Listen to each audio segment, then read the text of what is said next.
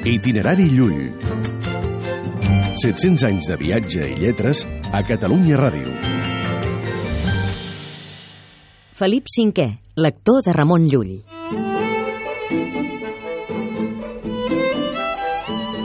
A diferència de la dinastia dels Àustria, els Borbons no han mostrat mai gaire interès per Ramon Llull, a l'excepció de Felip V, que en posseïa alguns llibres. Durant el setge de Barcelona de 1714, Felip V va prendre disposicions per salvaguardar de l'incendio i fúria militar los manuscritos de Beato Julio, tal com explica el pare Pasqual. Volia la cèlebre i extensa biblioteca de la important escola juliana de Barcelona. El que el Borbó no sabia és que aquests còdecs ja eren camí d'Alemanya, on encara es conserven. Itinerari Llull.